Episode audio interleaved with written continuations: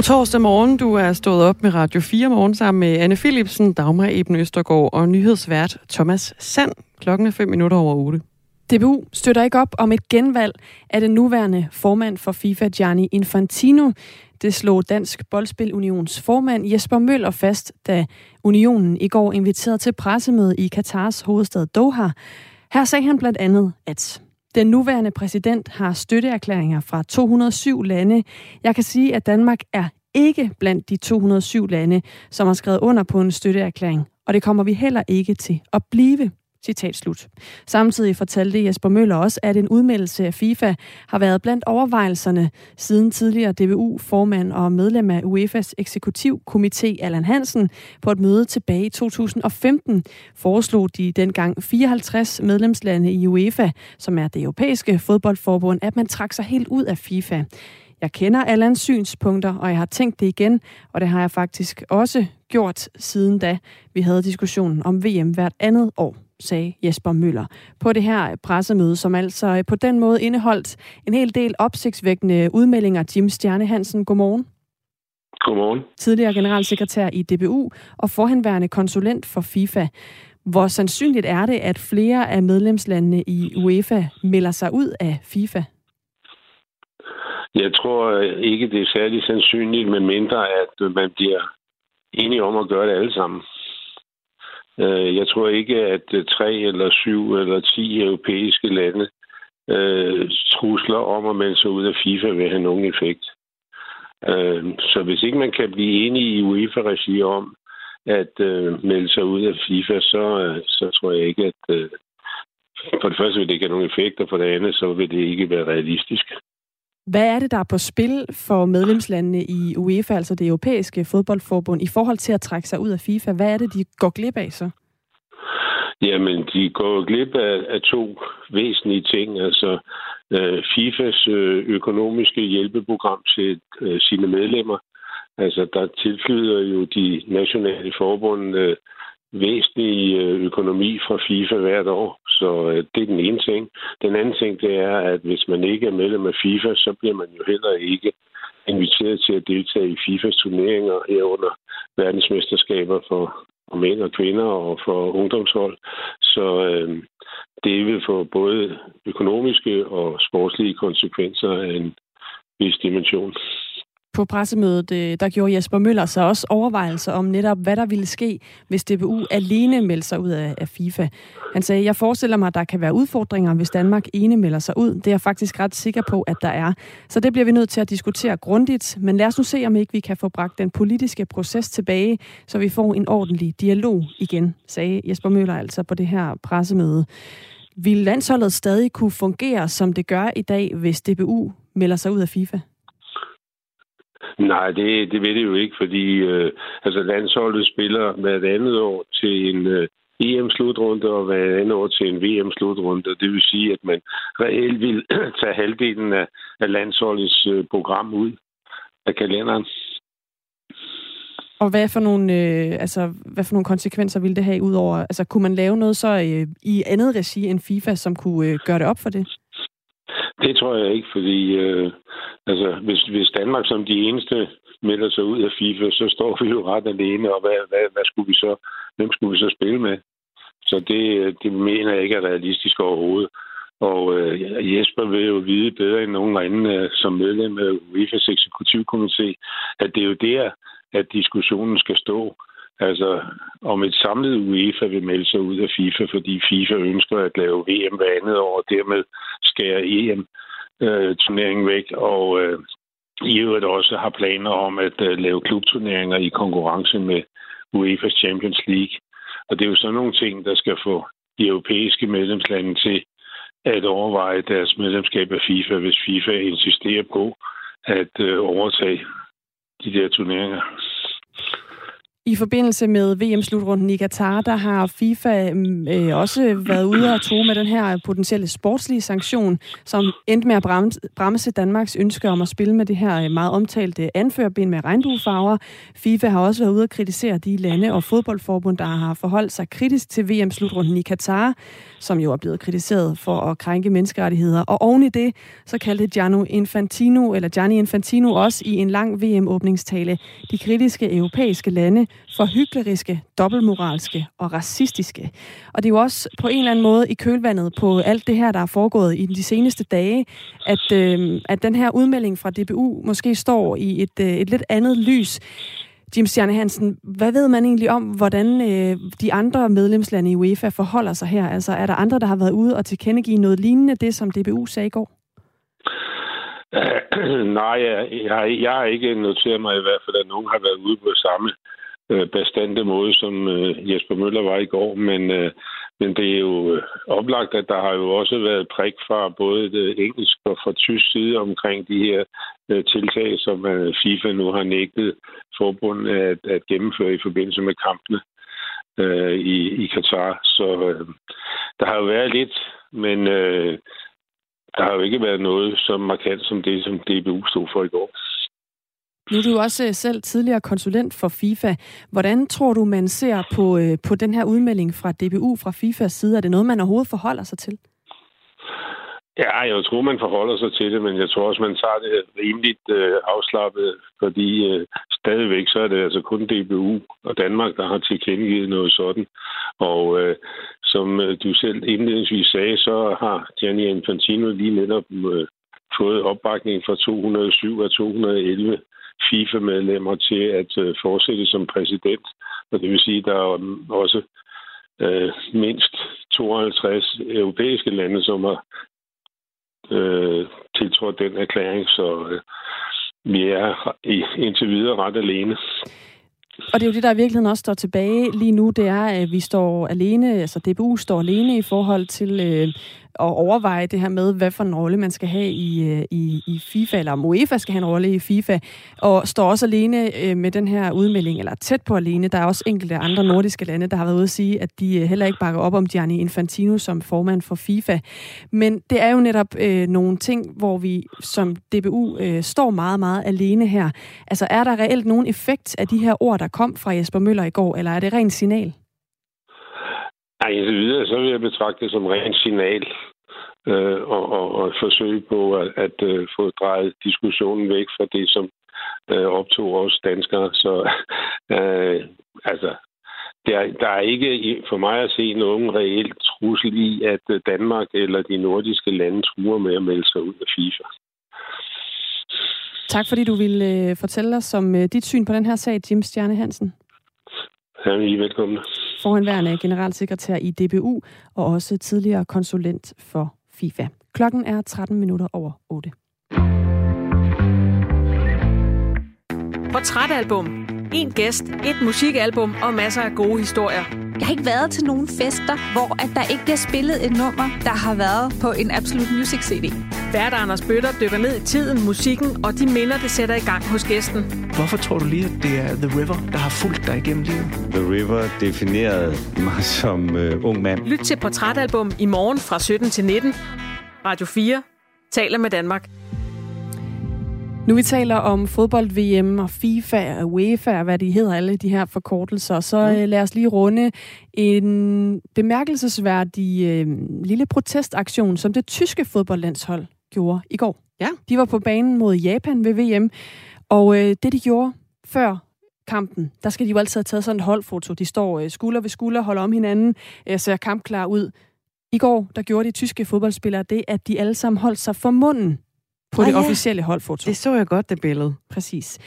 Det øh, var faktisk ingen markering, der fik nogen konsekvenser, hvilket jo kan være øh, måske lidt overraskende i lyset af, hvordan FIFA har øh, troet med sanktioner de seneste dage. Og det kommer også an på, også hvad begrundelsen er for, øh, hvorfor de holder sig for munden. Ja, den er egentlig sådan ret øh, præcis. Det tyske fodboldforbund har skrevet på Twitter, at vi vil med vores anførerbind vise de værdier, som vi har på vores nationalmandskab, mangfoldighed og gensidig respekt. Så de henviser altså til det her anførerbind, som jo har været enormt omtalt. Altså et Nej. anførbind, som man øh, ikke rigtig fik lov til at spille med af FIFA, i hvert fald ikke uden det ville få sanktioner. Det her øh, One Love anførbind med regnbuefarverne på. De skriver også på øh, Twitter, det tyske fodboldforbund, det handler ikke om et politisk budskab. Menneskerettigheder er ikke til forhandling. Det burde være en selvfølge. Det er det desværre stadig ikke, og derfor er dette budskab så vigtigt for os. Og så kommer sådan ligesom øh, slaget med halen. At forbyde os at spille med anførbindet er som at forbyde os at sige noget. Vi står fast på vores handling.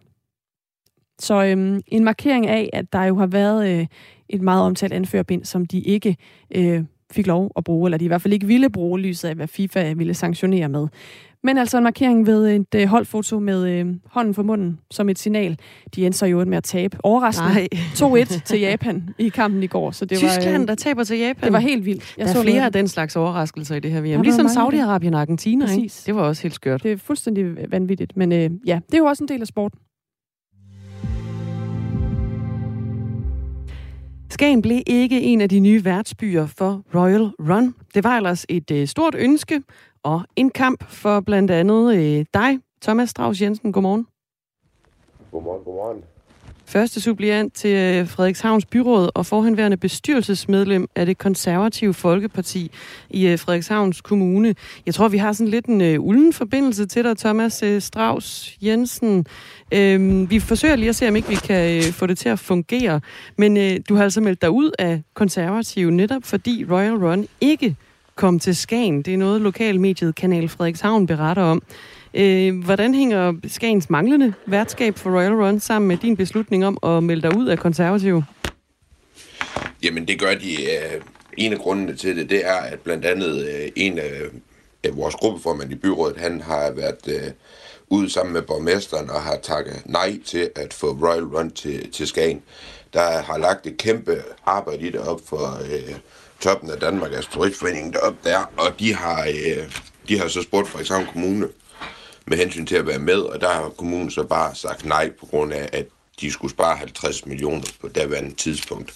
Altså, at spare 50 millioner, altså jeg ved nok, det har været et hårdt budget, de har været ved at lægge sådan noget, men at sige nej til Royal Run, som alle i hele landet nok kunne tænke sig at få, få til, øh, til sin kommune, det takker vi simpelthen nej til, og det arbejde, der blev lagt op, op i, øh, op i Turisthus Nord, op med at, at skabe kontakten, sådan noget, at man bare har fejret det væk under, under bordet, det, det er simpelthen det, jeg øh, er blevet nået kun utilfreds med. Hvad, hvad tror du, Royal Run ville kunne gøre for, for Skagen, også økonomisk?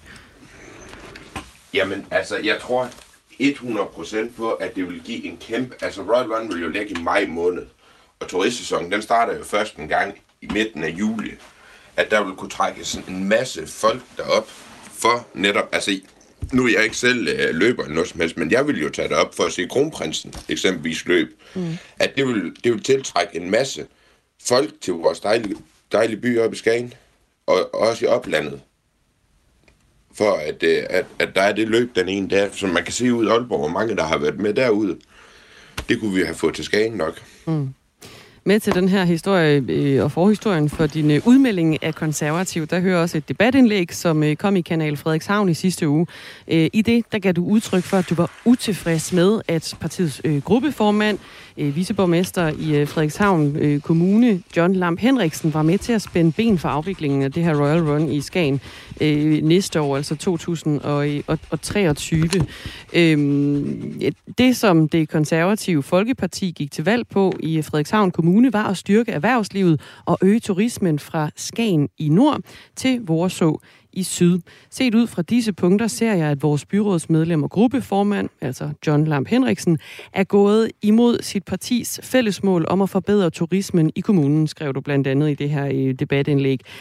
Øh, øh, man kunne også omvendt sige, øh, Thomas Strauss Jensen, at, at burde du ikke netop blive i partiet og kæmpe for den øgede turisme i Skagen på andre måder?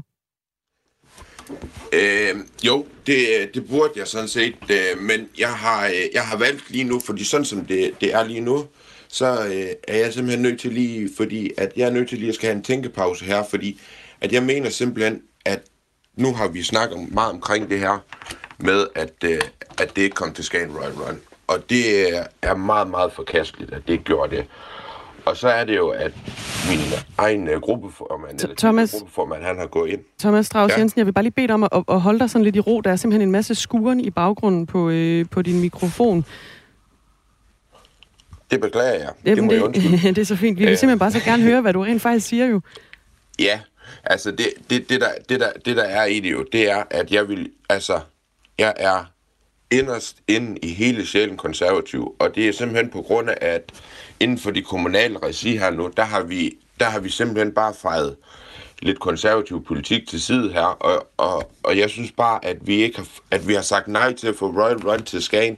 Det er simpelthen en forkastelig situation, at, man, at vi har tak, været med til at takke nej til det, at, øh, at vi ikke har fået Royal Run til Skagen. Fordi at det, vil, altså, det vil godt være, at det vil, det, vil være en, det vil koste lidt penge, men jeg tror, at de penge de giver godt ud på sigt, for jeg tror, vi får så meget tilbage i, øh, fra vores virksomheder og sådan noget, fordi at der kommer så mange mennesker her at det har været en investering, fordi at vi har jo førhen i tiden investeret i, nu har vi lige haft sådan noget golf noget nede i Frederikshavn, og der er også noget med noget VM og noget i Frederikshavn. Der har vi sagtens, der har vi investeret mange penge i det, og har fået noget godt ud af det, og det vil vi også kunne have fået af Royal Run. Hvor, hvor, hvor meget vil det koste at få Royal Run til Skagen? Bare lige slå det fast ganske kort. Altså, det er helt nøjagtigt, det er helt nøjagtigt tal. Det, det har jeg ikke. Det, øh, det har der jo været lidt lukkethed omkring. Altså, øh, de siger jo i Nyborg Kommune, der var det, der var det 1,1 million. Mm. Og øh, borgmesteren har været ude op og sagt, at det vil koste tusindvis af kroner, og turistchefen har også været ude og sige, at han har været ude og finde finde noget penge, eller nogen, der gerne vil sponse til det. Så mm. det, øh, det må man spørge nogen i økonomiudvalget om. Det har jeg ikke uh, kendskab til, fordi det er skrevet nu, det er jo taget ud fra referat. Helt fair. Der er jo ikke lavet referat for det. Thomas Strauss Jensen, du har altså øh, meldt dig ud af det konservative Folkeparti på baggrund af, af den her sag for os lige at, at få tid til at, at tænke dig om. Kunne du ikke godt have tænkt dig om, samtidig med, at du stadigvæk var medlem af konservativ? Det, det, kunne, det kunne jeg måske nok, men jeg synes bare, at øh, utilfredsheden, den, den, den, den, er lidt, den er lidt stor ved mig, og nu har jeg besluttet mig for, at nu vil jeg lige vende skråen i et stykke tid her, lige tænkt mig om og sådan her, og så må vi se, så kan det jo være, at når der bliver ført, hvis der bliver ført lidt konservativ politik i byrådet igen, at så, øh, så er jeg den første, der sidder klar ved tasterne og melder mig ind igen. Okay, så det er måske bare for en, en, en, en kort stund, du har, øh, du har meldt dig ud af konservativ i virkeligheden. Øhm, Thomas ja, Strauss Jensen? Det, det, er simpelthen, det, er, det er simpelthen bare, ja, ja, som, jeg, som jeg siger, jeg vender lige skråen her nu, fordi at det her, det var lige, øh, det var lige, øh, det gjorde ondt på mig, at vi sagde nej til det her, og så har jeg simpelthen valgt lige at trække stikket, og så, øh, så må vi ikke, hvis, øh, hvis der kommer noget rigtig godt konservativt i så sidder jeg som den første klar ved tasterne nok er klar til at melde mig ind igen. Nu stiller jeg dig lige sådan lidt frækt spørgsmål, fordi altså, mm, er det ikke sådan lidt en, en lille og, og måske ikke så øh, betydelig sag at melde sig ud af et parti på baggrund af?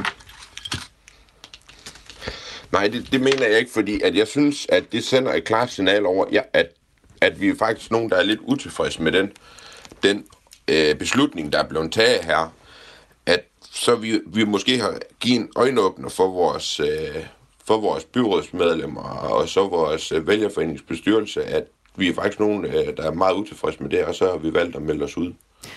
Hæng Fordi på. jeg har fået rigtig, rigtig mange, rigtig mange positive tilkendegivelser for nogen i Aalbæk og i Skagen over, at de synes også, det er forkasteligt, at Royal Run, de ikke er med længere, og de synes egentlig, de kan egentlig godt forstå, at jeg har meldt mig lidt ud. Mm.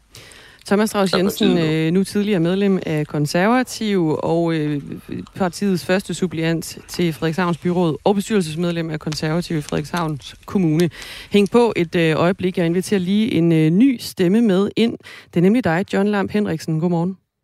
Godmorgen. Viceborgmester i Frederikshavn Kommune og gruppeformand i Konservativ. Det er altså dig, Thomas Strauss Jensen, kritiserer for ikke at have kæmpet nok for at få Royal Run til Skagen, og det har fået ham til at melde sig helt ud af partiet. Hvad er din øh, reaktion? Jamen, min reaktion er, at vi er selvfølgelig altid ked af det, når der er nogle medlemmer, der, der forlader partiet.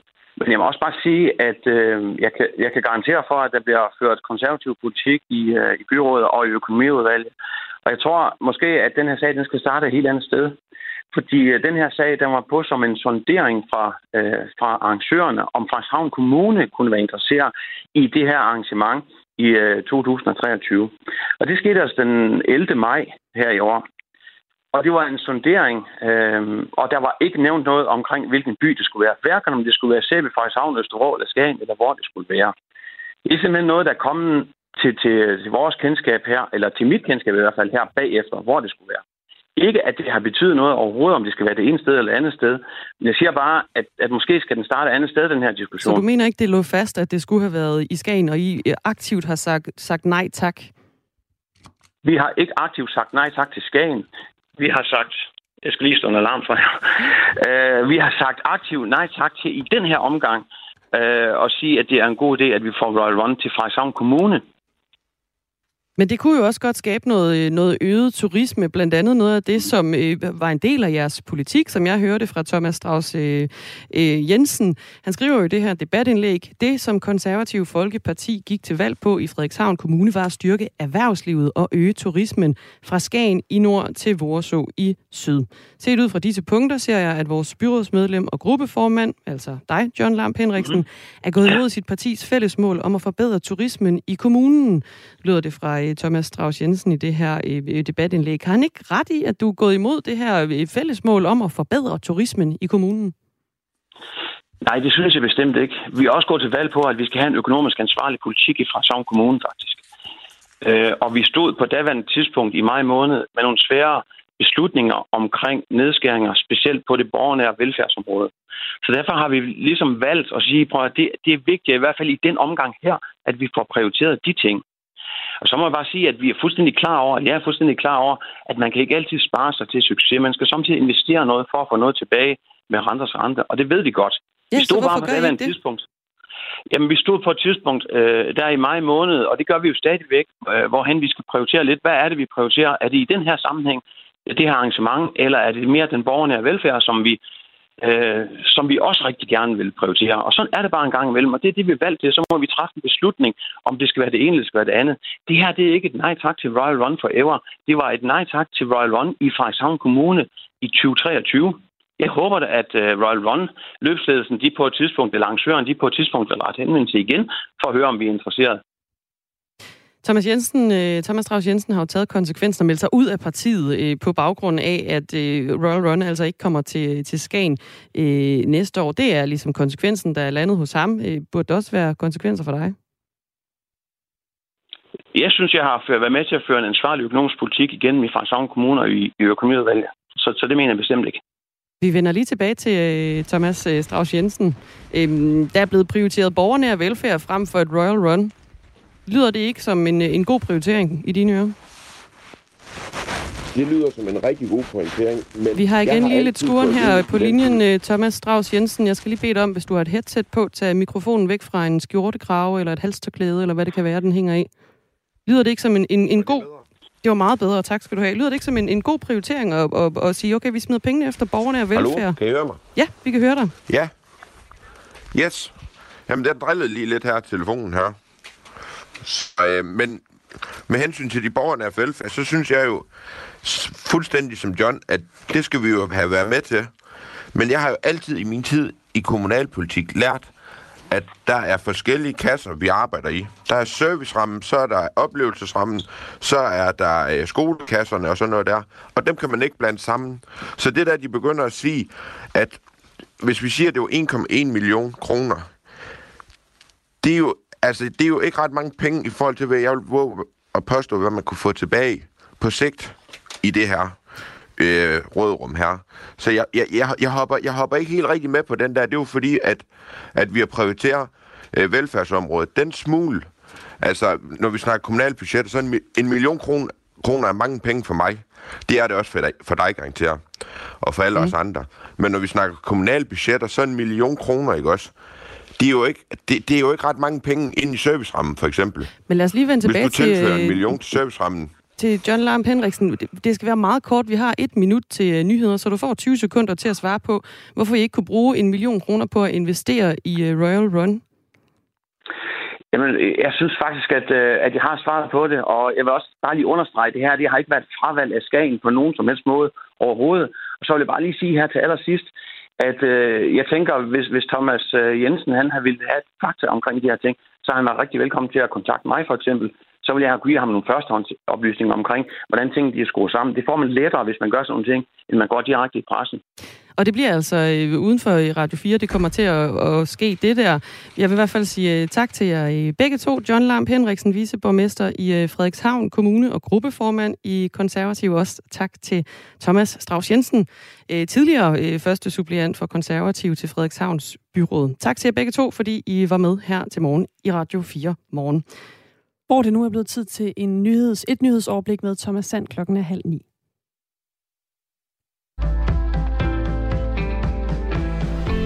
Om natten, når de fleste er gået til ro, er der mange børn og unge, som kæmper med dystre tanker. På det første år med døgnåben på børnetelefonen har der mellem kl. 23 og 7 været 6.425 samtaler. Det er flere end ventet, lyder det fra direktør Rasmus Kjeldahl fra organisationen Børns Vilkår, som står bag, som står bag rådgivningstilbuddet. Vi er helt overbevist om, at øh, nattelinjen har reddet øh, afskillige liv øh, i, sin, øh, i, i sit første i sit første år, og det er selvfølgelig også derfor, at øh, vi kommer til at fortsætte øh, med at holde øh, døgnåben. Det, det er selvfølgelig ret øh, ressourcetungt, men øh, på den anden side er det også øh, helt nødvendigt øh, for at, at hjælpe øh, børn og unge, som har det rigtig, rigtig svært. Så svært, at øh, man faktisk ikke kan sove om natten, men man har brug for hjælp. Hver tredje samtale om natten handler om psykisk mistrivsel, og der er flere samtaler om selvmordstanker og selvskadende adfærd end om dagen. Vi kan se, at de kategorier, som vi betragter som de mest alvorlige, det kan være samtaler om selvmordstanker, selvskade, angst og depression, at det er andelen, der er andelen dobbelt så høj om natten, siger Rasmus Kjeldahl. Eksempelvis handler knap hver 8. samtale, 12,5 procent, om selvmordstanker og selvmordsforsøg. Det er dobbelt så mange som i resten af åbningstiden. I flere tilfælde er samtalerne ifølge direktøren endt med, at rådgiver har kontaktet politi, ambulance eller psykiatrien, så de unge har fået akut hjælp. Landets 21 akutmodtagelser skal alle døgnets 24 timer stå klar til at modtage patienter med akutte skader. Alligevel har flere akutmodtagelser i Region Sjælland holdt lukket i korte perioder, fordi der har været for mange patienter, det skriver DR Nyheder. Morten Frejl, der er direktør i Danske Patienter, mener, at det er bekymrende, at akutmodtagelserne er så presset, at de bliver nødt til at lukke i kortere perioder og sende patienter til andre sygehuse længere væk. Vi har tidligere set overbelægning på medicinske afdelinger, men når presset bevæger sig ind, i, ind på akutområdet, så er det alvorligt. Tid kan være afgørende, og derfor kan det i sidste ende gå ud over patienterne. Og selvom det isoleret set er bedre at sende patienterne videre til et andet sygehus, så er det et udtryk for et presset sundhedsvæsen, siger han til DR Nyheder. Flere kinesiske tv-seere er begyndt at undre sig over den forskel på coronasituationen i deres eget land og resten af verden, det skriver det britiske medie BBC. Årsagen er det igangværende fodbold-VM i Katar. Turneringen er en populær begivenhed i Kina og bliver derfor også vist på landets stats-tv, der ellers primært fortæller om begivenheder inden for de kinesiske grænser. På tv bemærker flere kinesiske seere, at ikke hele verden har lige så omfattende coronarestriktioner, som de selv oplever. På det populære sociale medie Weibo skriver nogle brugere blandt andet, at de af den grund føler sig afskåret fra resten af verden. Der er slet ikke nogen særskilte sæder, der sikrer, at folk kan holde afstand, og der er ikke nogen mennesker klædt i blå og hvide hospitalstragter på sidelinjen. Den her planet er virkelig blevet opdelt, skriver en bruger. En seksårig dreng er blevet reddet fra murbrokkerne efter et jordskælv, der ramte Java i Indonesien mandag. Drengen har ligget under murbrokkerne i to dage uden mad og vand, og redningen af ham beskrives som et mirakel. Den dramatiske redningsaktion er blevet fanget på kamera og skaber håb om, at overlevende fortsat kan reddes fra murbrokkerne. Jordskælvet i Indonesien har kostet mindst 271 personer livet. Overvejende skyde og diset vejr i dag med regnhister her, men der kan en overgang komme lidt sol i Vestjylland. Vi får temperaturer mellem 3 og 8 grader, svag til frisk vind omkring sydøst ved kysterne i begyndelsen stedvis op til hård vind.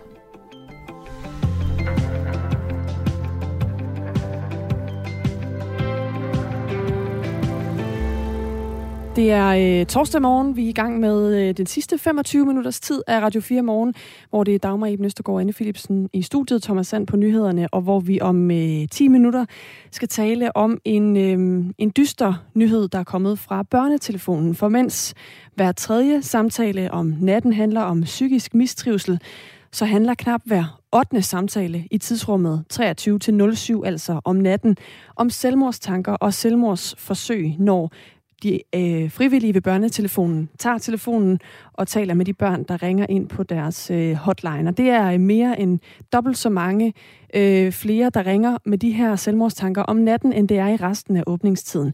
Den analyse ser vi nærmere på sammen med Rasmus Keldahl, der er direktør i Børns Vilkår. Vi skal jo blandt andet også svare på, hvad er det, der gør, at man øh, ser det her om natten, altså at, øh, at det er der, at de her tanker, de melder sig hos de børn, der ringer ind. Det er om 10 minutter. Inden da, så skal vi dykke ned i regeringsforhandlingerne, som er blevet nærmer sådan noget, der bliver mere og mere sådan, øh, noget, der kommer politik ud af. Ja, fordi de øh, så den indledende forhandlinger, de er over, og nu går regeringsforhandlingerne ind i en ny og mere seriøs fase. Det sagde i hvert fald øh, fungerende statsminister og kongelige undersøger Mette Frederiksen på et kort pressemøde i går. Nu fortsætter forhandlingerne så i et mere intensivt forløb. Øh, og det bliver et forløb, hvor de partier, som enten kan se sig selv i en bred regering, eller i et mere forpligtende samarbejde med en bred regering kommer til at indgå. Men øh, hvad betyder det, at partierne de nu går i mere konkrete forhandlinger med Mette Frederiksen? Det skal du gøre os klogere på, Thomas Larsen, politisk redaktør på Radio 4. Godmorgen. Godmorgen. Enhedslisten, Alternativet og Nye Borgerlige, de er ude af forhandlingerne efter i går, og det er altså forhandlinger, som ifølge Mette Frederiksen går ind i en ny fase. Hvad skal der ske i den her fase? Altså som øh, statsministeren, eller statsminister Mette Frederiksen selv lagde, lagde op til, og i virkeligheden er hun jo mere øh, kongelig undersøger end statsminister i den her situation, som hun lagde op til, så er der øh, tale om nogle øh, forhandlinger, der kører i, i to spor, kan man sige, eller i to lag. Fordi det er selvfølgelig ikke alle de her partier, der er med omkring bordet nu, som øh, kommer til at ende i regeringen, men nogle af dem kommer måske til at ende som en form for støttepartier, eller det kan være, at de på udvalgte politiske områder siger, det her kan vi faktisk godt være med til. Så hvis du danner en ny regering, så kan du regne med vores øh, stemmer her. Og så er der selvfølgelig den anden gruppe af partier, der er tilbage omkring bordet, øh, og det er dem, som rent faktisk kan komme i spil til at gå helt ind i regeringen og blive altså nye marker til øh, Mette Frederiksen, hvis hun bliver regeringschef i en ny forhandling. Og sådan helt overordnet kan man sige, så strammer det til nu. Altså der har været tale om et udskillingsløb. Der var en række partier, der blev sidet fra i, i går og ikke længere skal, skal deltage. Og dem, der så sidder tilbage nu, de skal helt ned i materien, de skal helt ned i substansen på en række af, af de øh, områder, der skal skrives ind i et nyt regeringsgrundlag. Så der taler vi altså økonomi, skat, øh, klima og sundhedsvæsenet, reformer, øh, arbejdsudbud osv. osv. Og der er det ikke længere sådan en løs snak hen over bordet og sådan en, en, en, en venlig øh, konversation, man har der. Det er faktisk et forsøg på at komme så tæt ind på udfordringerne, at man kan begynde at lave en form for aftaler, der kan skrives ned på papir. Øh, de her indledende øh, forhandlinger eller sonderinger, øh, de har været i gang i knap tre uger. Nu er vi altså i gang med en ny fase. Men hvad er det, der gør forhandlingerne, de kan gå ind i den nu? Jamen, det helt afgørende, der er sket, det har jeg slet ingen tvivl om, det var Venstres øh, store landsmøde øh, i, i weekenden, øh, hvor øh, Jakob Elmer Jensen jo altså tog det historiske skridt i retning af at ville øh, indlede et samarbejde med Mette Frederiksen, i hvert fald undersøge muligheden for, at Venstre kan gå ind i en regering sammen med Socialdemokratiet.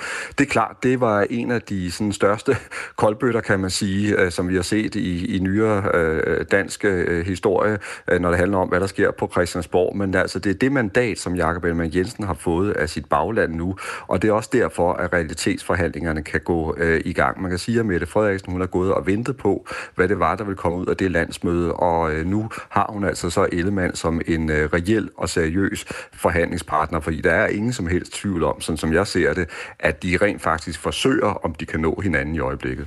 Har hun også sådan helt, helt aktivt, kan man sige, jeg ved ikke, om man skal kalde det sidde, sidde på hænderne, men altså bare ventet på det her venstre landsmøde? Nej, hun har ikke spildt tiden, fordi hun har fået et øh, perfekt overblik over, hvor alle de øvrige partier er placeret, og hun har også samlet den her kreds af partier nu, som på den ene eller anden måde kan tænkes at hjælpe en ny reger- øh, regering på vej, eller måske endda gå øh, ind i den. Men det er klart, at det helt afgørende skred, der er sket i forhandlingerne, det var lige præcis Venstres landsmøde og beslutningen om, at nu vil de prøve at undersøge, om de kan øh, altså arbejde så tæt sammen med Mette Frederiksen, at de også kan sidde i regeringen sammen med hende. Og lige så stille bliver der altså skilt partier fra i de her regeringsforhandlinger. Enhedslisten er ude, fordi Mette Frederiksen ifølge partiets politiske ordfører Maja Villersen har sagt, at hun fortsætter forhandlingerne med højrefløjen, og at enhedslisten og det rødgrønne flertal dermed ikke længere er med i de her forhandlinger. Alternativet har også valgt ikke at fortsætte regeringsforhandlingerne, sådan siger partiets politiske leder Franziska Rosenkilde til TV2.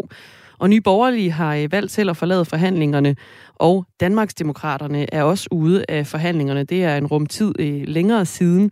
Det betyder altså nu, at det er Venstre, Moderaterne, SF, Liberal Alliance, Konservative, Radikale og Dansk Folkeparti, der fortsætter med regeringsforhandlingerne sammen med selvfølgelig Socialdemokratiet, hvor Mette Frederiksen sidder som kongelig undersøger. Og det ser altså ud til, at Blå Blok jo øh, lige nu er delt mellem de partier, som søger øh, indflydelse i et muligt regeringssamarbejde, eller som parlamentarisk grundlag, og så dem, der ikke gør, altså dem, der er ude af de her øh, forhandlinger. Hvordan efterlader det her Blå Blok og øh, sammenholdet i Blå Blok? Jamen, det er virkelig et interessant spørgsmål, og måske så ser vi rent faktisk ind i en helt ny politisk virkelighed, hvor blokkene ikke længere kommer til at stå så skarpt aftegnet øh, over for hinanden. Det er der rigtig meget, der tyder på, at hvis det lykkes at lave en, en bred regering hen over øh, midten. Man kan sige, lige nu, der er Blå Blok netop altså splintret og delt og polariseret, øhm, og øh, i, i øjeblikket, der følger de øvrige blå partier jo især, altså Venstres ageren og venter meget spændt, og jeg var også sige kritisk på, om Jakob Ellemann Jensen han ender med at gå i regering med Mette Frederiksen. Men jeg tror, der er ved at ske en ny udvikling, som man også skal lægge rigtig, rigtig meget mærke til. Og det er jo, at den konservative leder Søren Pape Poulsen ikke længere er helt så afvisende i forhold til, om hans parti måske også kunne ende i en regering. Jeg ved, at øh, partiet er meget, meget delt i det her spørgsmål, og der er nogen, der mener, at det vil være den helt forkerte vej at gå. Men jeg ved også, at der er konservative kilder, som faktisk mener, at det rigtige for partiet nu, det vil være at søge indflydelse og måske også ultimativt komme med i en regering sammen med Mette Frederiksen. Og hvis det sker, ja, så er det jo altså både Venstre og de konservative, der så pludselig vil sidde i regering med Mette Frederiksen. Lad os lige prøve at høre fra nogle af dem, som er med endnu, og så nogle af dem, som er ude. Dansk Folkeparti er blandt de partier, der er gået videre i regeringsforhandlingerne, eller med regeringsforhandlingerne. Eh, partiets eh, fungerende næstformand, René Christensen, han forklarer det sådan her.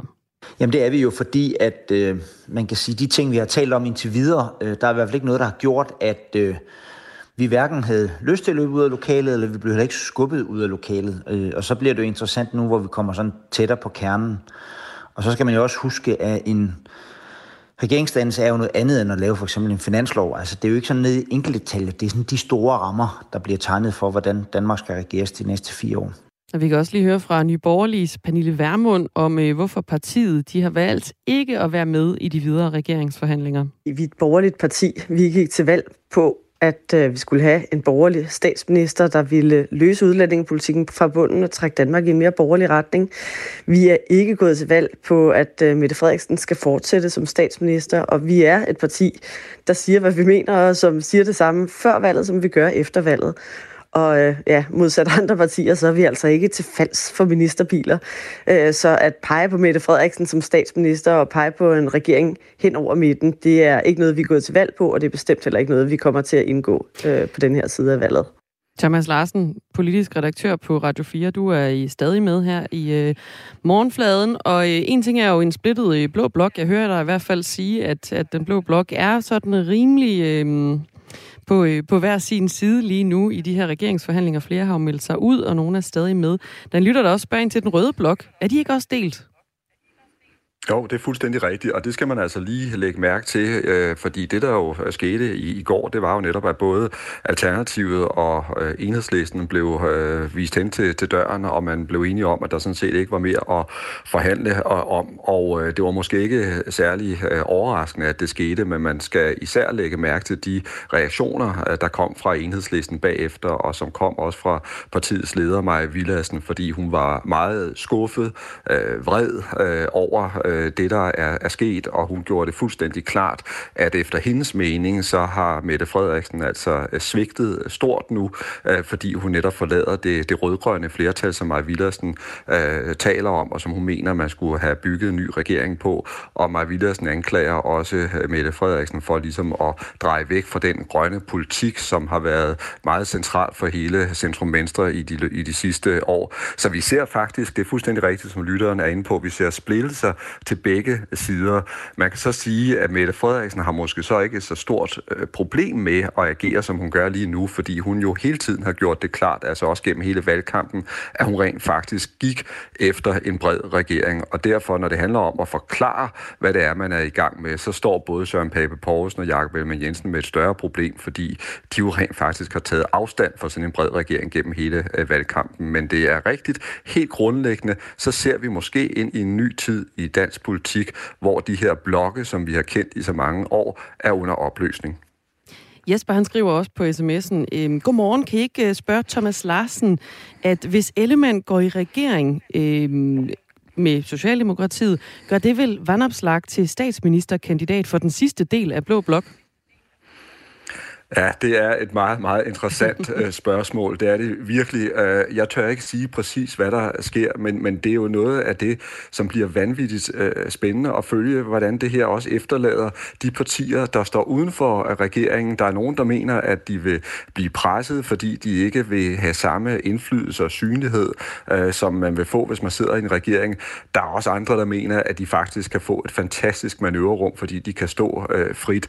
Og det tror jeg, at både en som Øh, vandopslag han vil udnytte, og han har jo fået et øh, formidabelt rygstød øh, med det fremragende valgresultat, han fik. Men jeg tror også, man skal lægge mærke til Inger Støjberg og Danmarksdemokraterne, fordi de får altså også en ny interessant øh, rolle at spille, og jeg tror, at de vil altså gøre alt, hvad de kan for også at udfordre den nye regering, der formentlig bliver til virkelighed. Ja, partifeltet snæver sig ind i de her regeringsforhandlinger, som er i gang. Enhedslisten, Alternativet og Nye Borgerlige er de seneste, der er ude. Danmarksdemokraterne er også ude hvilket parti er det næste, der forlader forhandlingerne?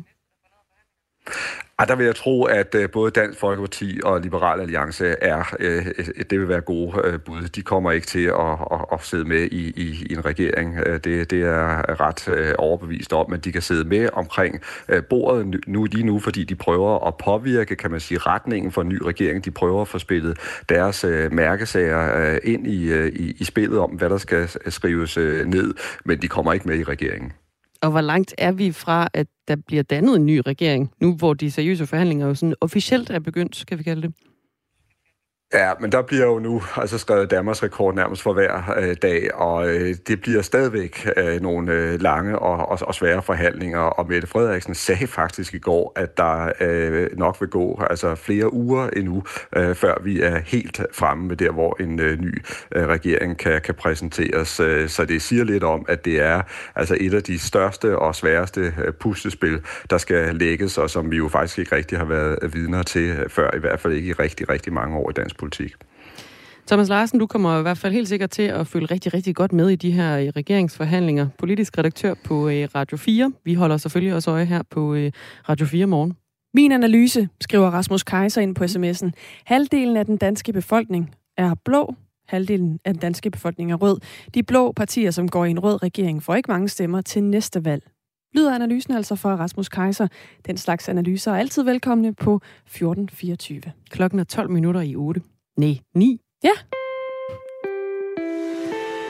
I en uge, der bliver kaldt Black Week, i hvert fald ude hos butikkerne, som betyder masser af store skilte med slagtilbud og øh, butiksruder fyldt med øh, rabatter. Og for mange butikker, der er den her rabatfyldte uge vigtigere end nogensinde før.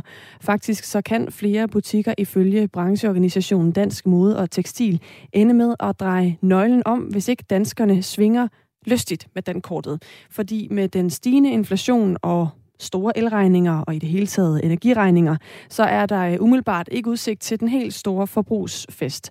Og når butikkerne er lige så presset som forbrugere på elregninger, på husleje og andre af de ting, der koster flere penge i øjeblikket, så er det vigtigt med en uge med gode tilbud, for at få solgt nogle varer, fortæller Jens Obel, der er CEO, CEO for modegruppen DK Company.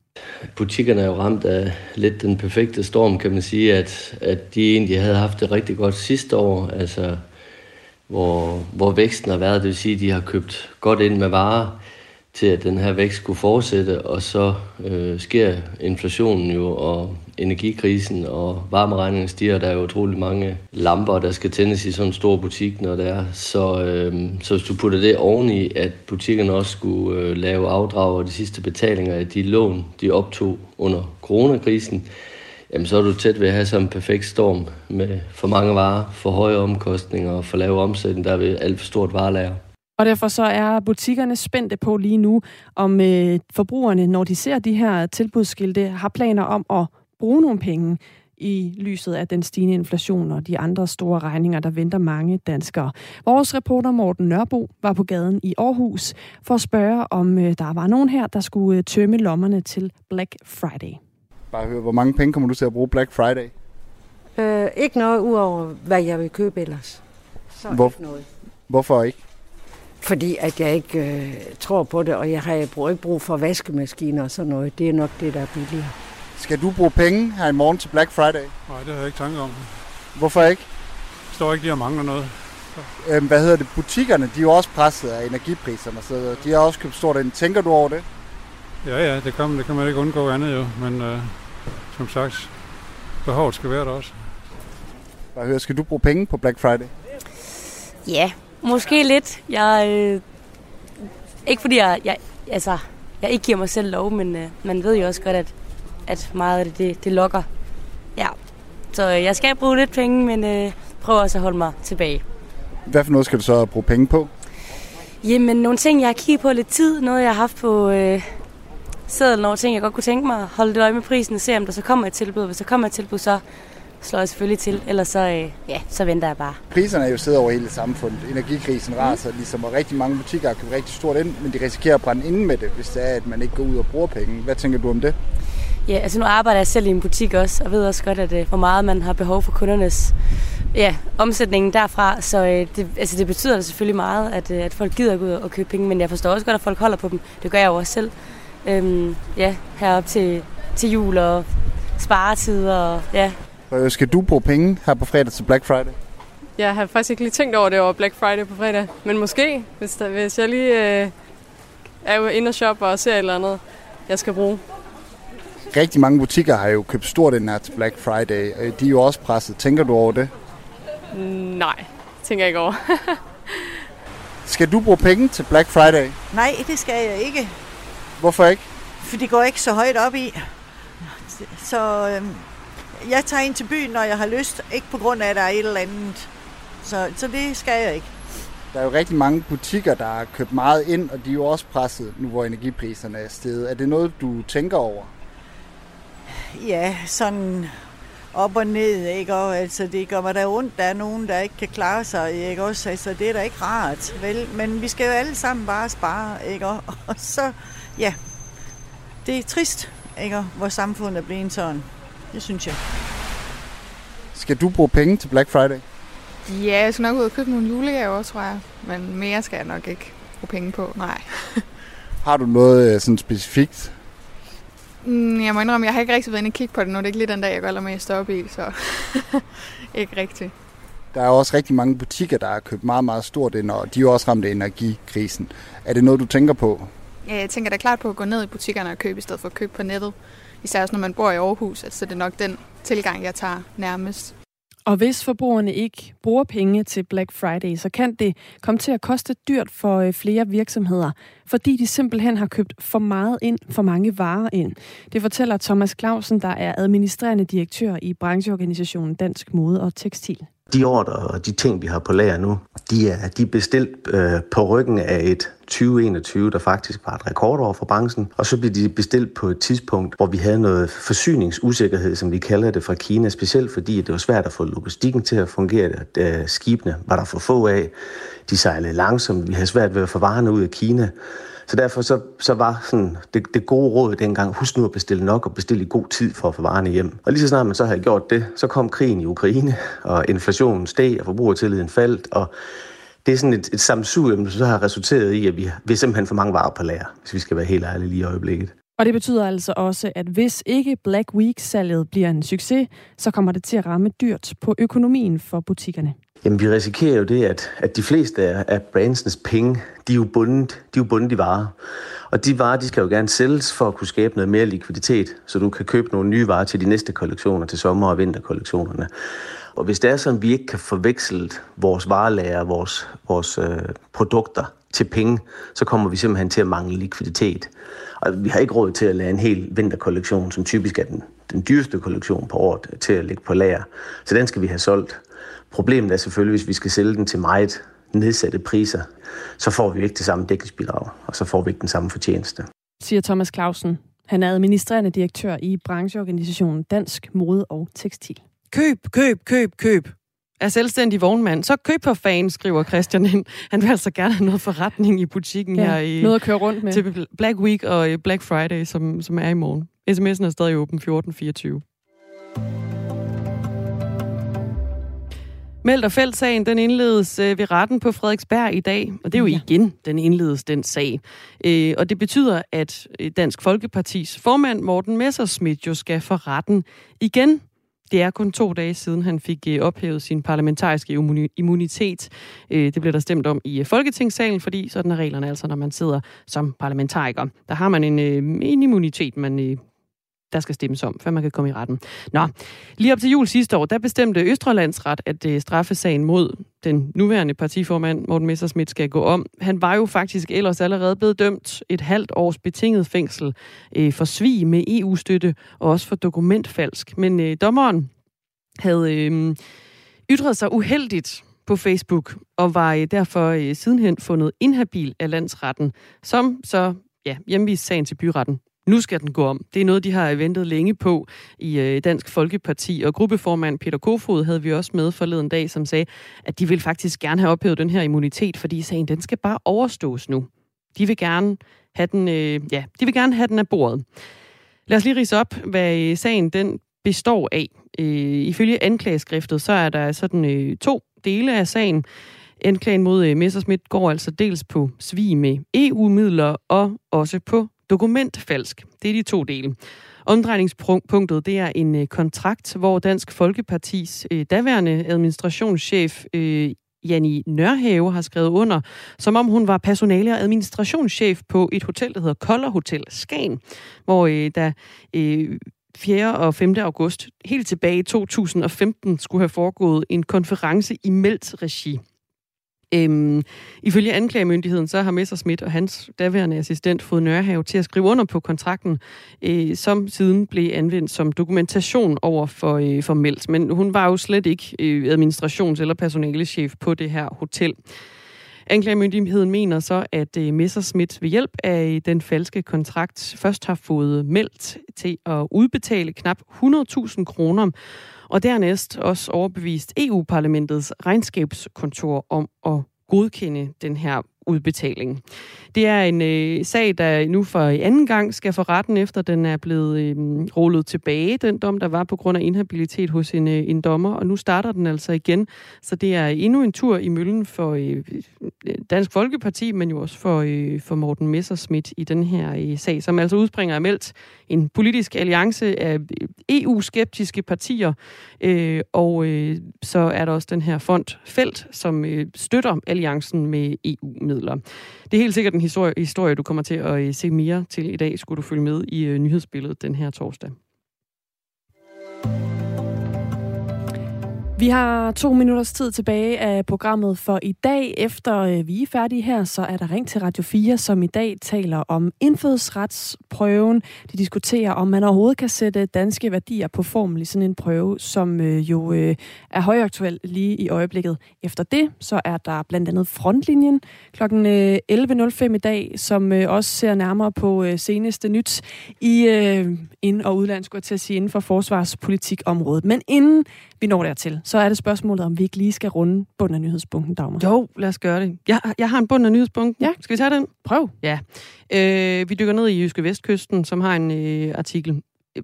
Du kan godt huske, da vi talte rigtig meget om energitillæg, ikke? Jo. Ja. Altså det der med, at man kunne betale ekstra, lige, lige et par kroner mere for et eller andet, fordi priserne var steget på øh, strøm og varme. Og sådan noget. Ja, lige præcis. Altså det her med, at du går ind til bageren, så køber du en bolle, en kop kaffe på en café, så betaler du lige to kroner, som sådan en slags øhm, energitillæg, jo. Mm. Ja, på, på de her stigende priser. Der er godt nyt nu. Nå. Fordi øh, på Jyske Vestkysten, der er jeg faldet over en artikel om, at øh, der er nogen, der begynder at rulle gebyret tilbage. Nå. Det må betyde fremgang på den ene eller den anden måde. I hvert fald ved Nielsens Bæreri i Vojens og Padborg, der er priserne igen fri for de to kroner i ekstra gebyr, som øh, de lagde ovenpå. Indehaveren fortæller, vi er ærlige forretningsfolk, og det lovede vi at gøre. Hun hedder Mette Nielsen, øh, og har det her bæreri sammen med sin, øh, sin mand Henrik Nielsen. Og øh, nu har de altså rullet, rullet det tilbage. Tidligere, der anslog de, at elregningen, der lå, mal lå på mellem 200 og 250.000 kroner, var steget med to og en halv gange. Nu øh, er elregningen øh, bare sådan 25-30 procent øh, over det almindelige niveau, og det er altså tid til at rulle energitillæggene tilbage. Godt nyt, hvis man godt kan lide at gå tilbage og få en øh, bid morgenmad. Klokken er 9. God dag.